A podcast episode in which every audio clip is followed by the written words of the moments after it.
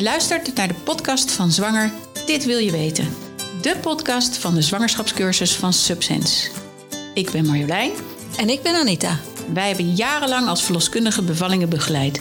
En in deze podcast gaan we jullie regelmatig bijpraten over topics die aanstaande ouders bezighouden. Dus wil je informatie en tips direct van een professional, of je nou thuis of in het ziekenhuis gaat bevallen, mis dan geen van onze afleveringen, zodat je zo goed mogelijk voorbereid bent op die aanstaande geboorte.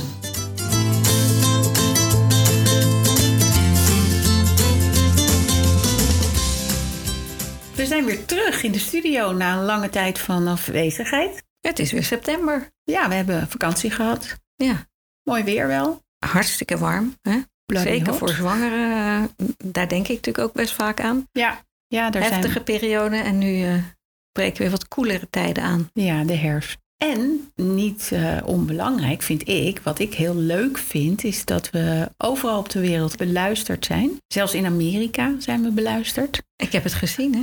En Griekenland. ehm, Griekenland en in Bulgarije. Ook wel apart, hè? Het is wel Bulgarije. apart. Misschien zijn het mensen die op vakantie zijn gegaan daar naartoe en dan ons luisteren ondertussen. Maar we vinden het erg leuk. Ga zo door. Ja, en we willen de luisteraars ook bedanken voor het luisteren. Want wij zagen ook nog dat we meer dan 1200, 1200. keer beluisterd zijn. Ja, Ja, en we zijn nog niet zo lang bezig. Dus nou, dat geeft eh, de burger moed. Dus Ja. we gaan weer, eh, gaan weer met veel plezier beginnen. ja, En ons thema vandaag is voorbereiding op de bevalling. ja. Hoe doe je dat? Ja, het begint natuurlijk met als je weet dat je zwanger bent.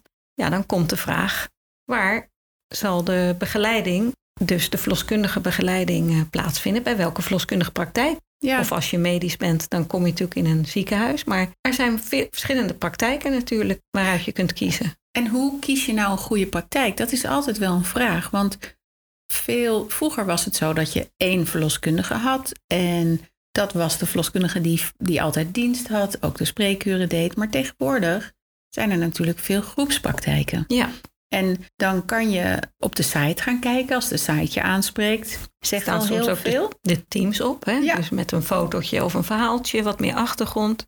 Vriendinnen kunnen misschien ook ervaringen vertellen. Ja, maar je mag natuurlijk altijd bij zo'n praktijk wel eens een kennismakingsgesprek hebben. Ja. Het is niet zo dat je dan gelijk vastzit aan zo'n praktijk. Nee. Je moet Nee. gewoon een goed gevoel hebben. Nou ja, als je voor het eerst bij een verloskundige praktijk komt, is het ook fijn om te weten hoe hebben ze dat dan geregeld met de diensten. Want ja, misschien heb de een spreekt je meer aan dan de ander. Er moet gezorgd worden dat je eigenlijk iedereen een keertje gezien hebt. En Ja. Ja, dus het is meer een gevoelskwestie dan dat je er daadwerkelijk van uit kan gaan dat degene die je als eerste spreekt ook jouw bevalling gaat doen. Precies. En als je dan je verloskundige praktijk hebt gekozen, dan ga je daar eh, op controle. En daar geven ze waarschijnlijk ook wel eens een keer een voorlichtingsavond.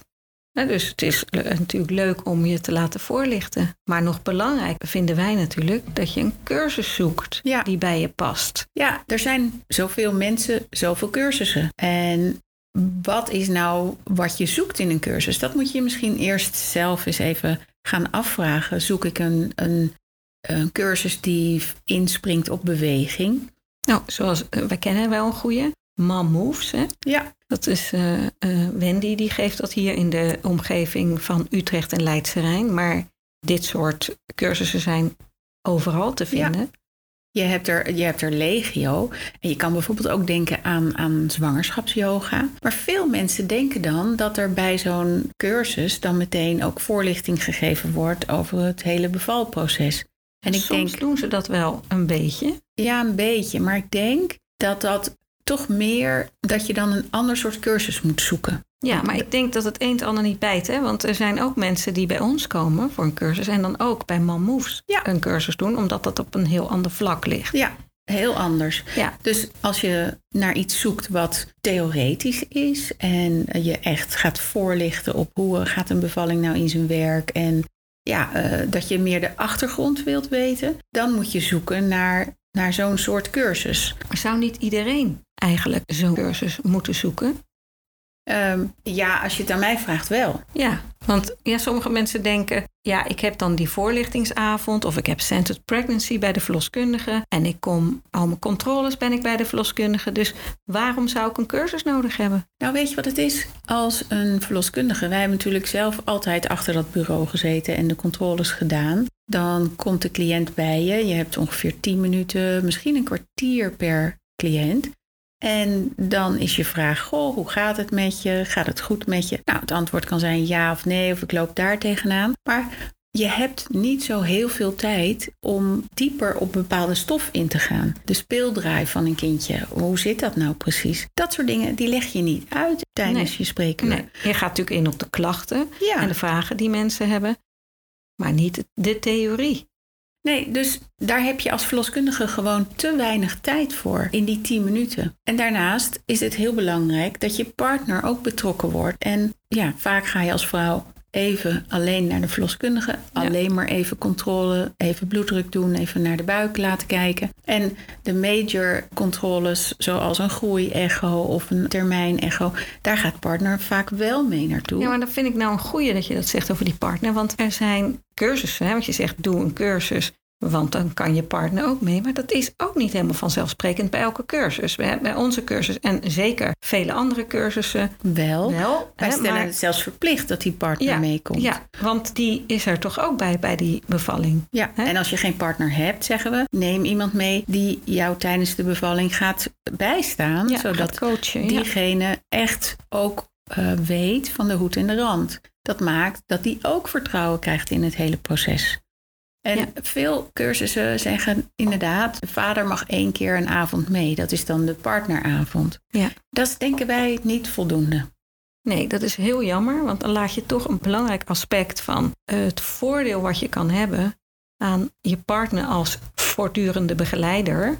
Ja, Hè, ah, dat laat je liggen. Dat is jammer. Ja. Dus, dus nou waar leg je dan op? Uh, je zoekt een cursus. En, uh, ja, je kan een bewegingscursus doen. Dat is sowieso goed natuurlijk, om in beweging te blijven. Maar ook een voorlichtingscursus. En dan leg je op dat de partner erbij is. Ja, maar je let ook op de achtergrond van degene die de cursus geeft. Want ik weet dat er cursussen zijn die gemaakt worden door mensen die leuk twee keer zelf zijn bevallen en zich daarin verdiept hebben heel fijn, maar die weten niet de hele theorie die een verloskundige heeft gehad. Of iemand die zich daadwerkelijk daarin geschoold heeft.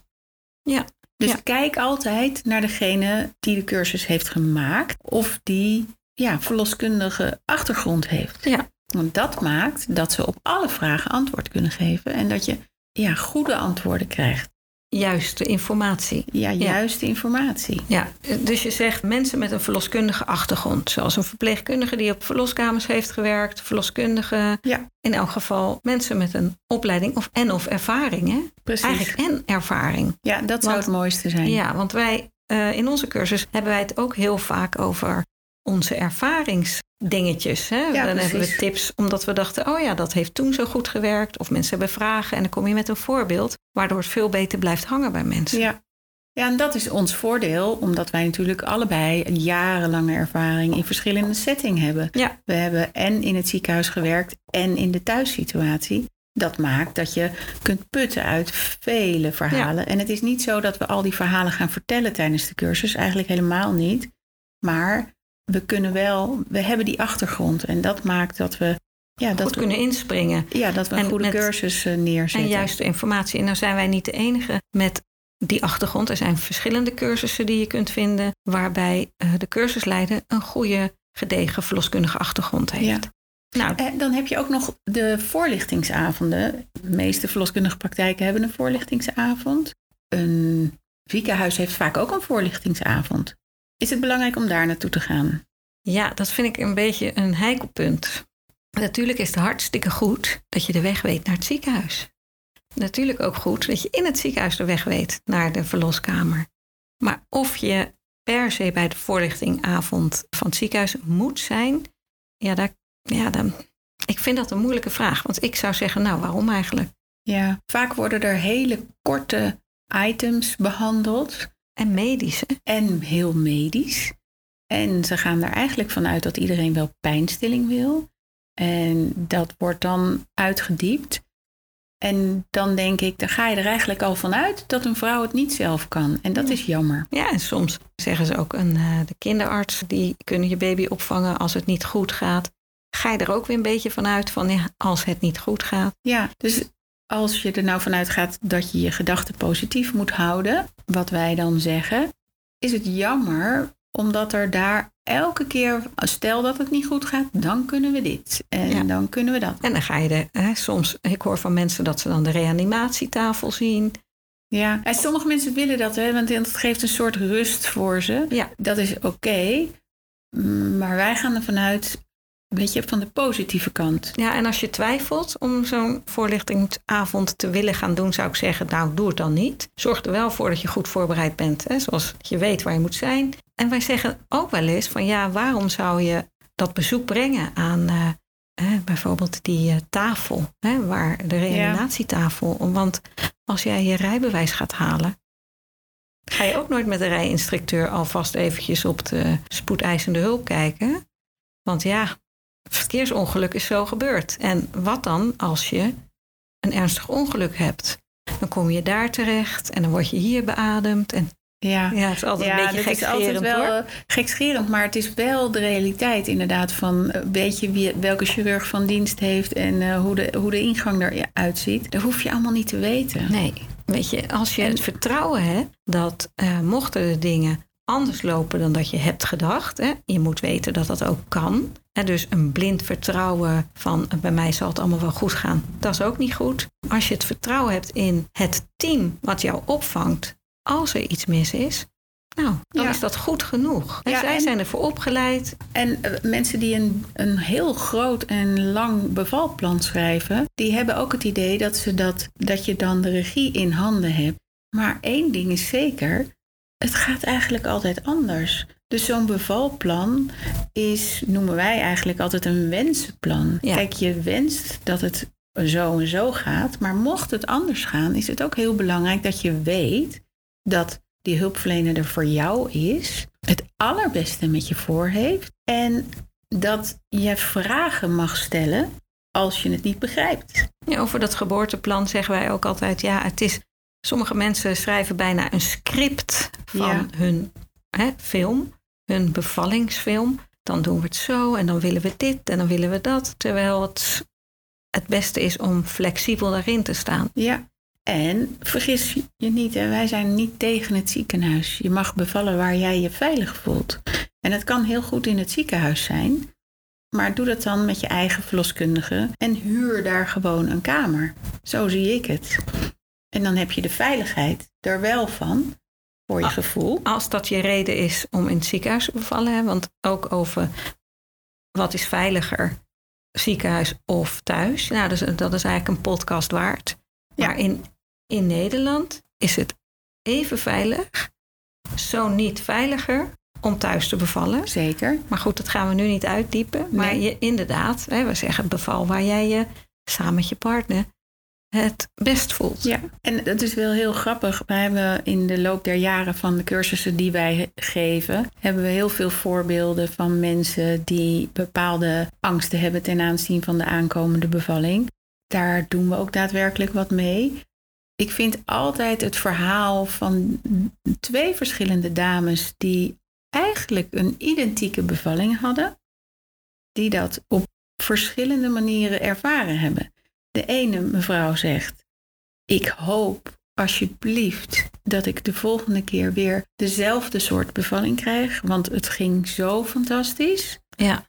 En een andere mevrouw, andere cursus, zegt: Och, ik heb zo'n traumatische ervaring van de bevalling en ik hoop dat het absoluut niet meer zo gaat. En gingen we doorvragen, bleken beide bevallingen nagenoeg identiek te zijn. Ze hadden hetzelfde meegemaakt. Ja, er was wel een probleem opgetreden tijdens die bevalling. Maar degene die had geleerd om vragen te stellen, om zich te laten voorbereiden en zich te laten voorlichten door degene die hen hielp bij de bevalling, die sprongen ook in op situaties omdat ze dat geleerd hadden bij ons. En ja, ja die voelde zich eigenlijk wel heel senang in die situatie.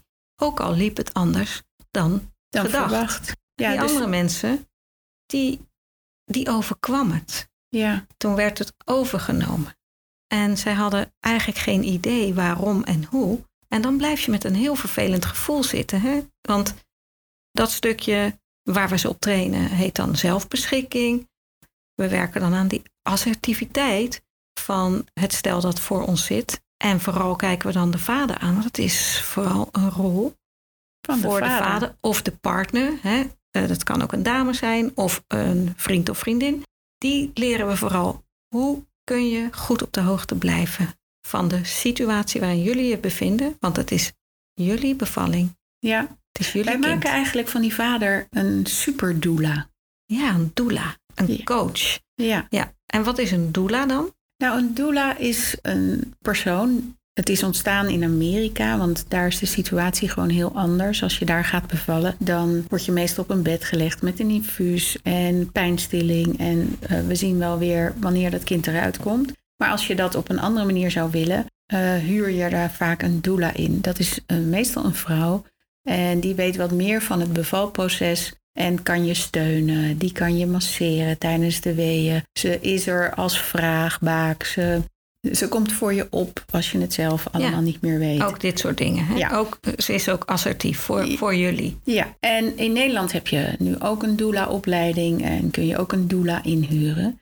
Maar wij zeggen eigenlijk, kijk, die vader, die partner, is de perfecte doula.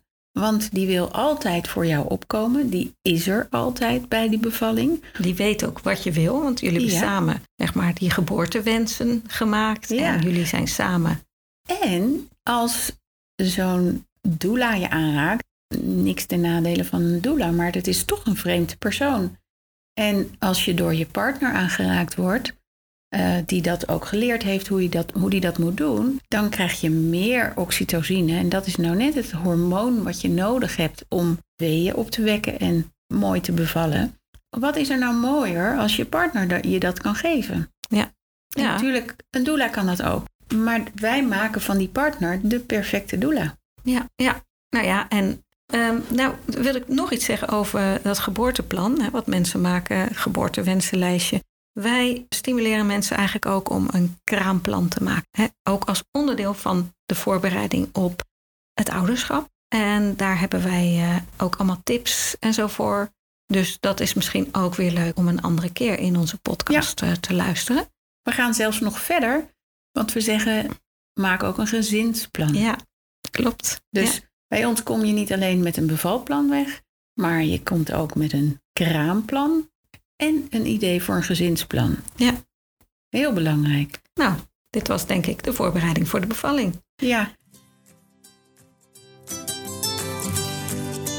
Nou, we zouden het heel leuk vinden als jullie ons zouden willen nomineren voor podcast Award. in Nederland. Dat kan je doen op www.podcastawards.nl en nomineer onze podcast Zwanger. Dit wil je weten. En klik op nomineren en dan maak je ons heel blij. Ja, en dat kan tot en met vrijdag 18 september. Dus wij houden het in de gaten.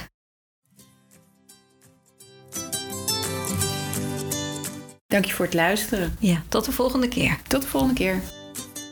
Je luisterde naar de podcast Zwanger, dit wil je weten van Subsense. Mede mogelijk gemaakt door Koffiecode Podcast. Je kunt ons volgen via Insta, Facebook, LinkedIn en onze site www.subsense.nl.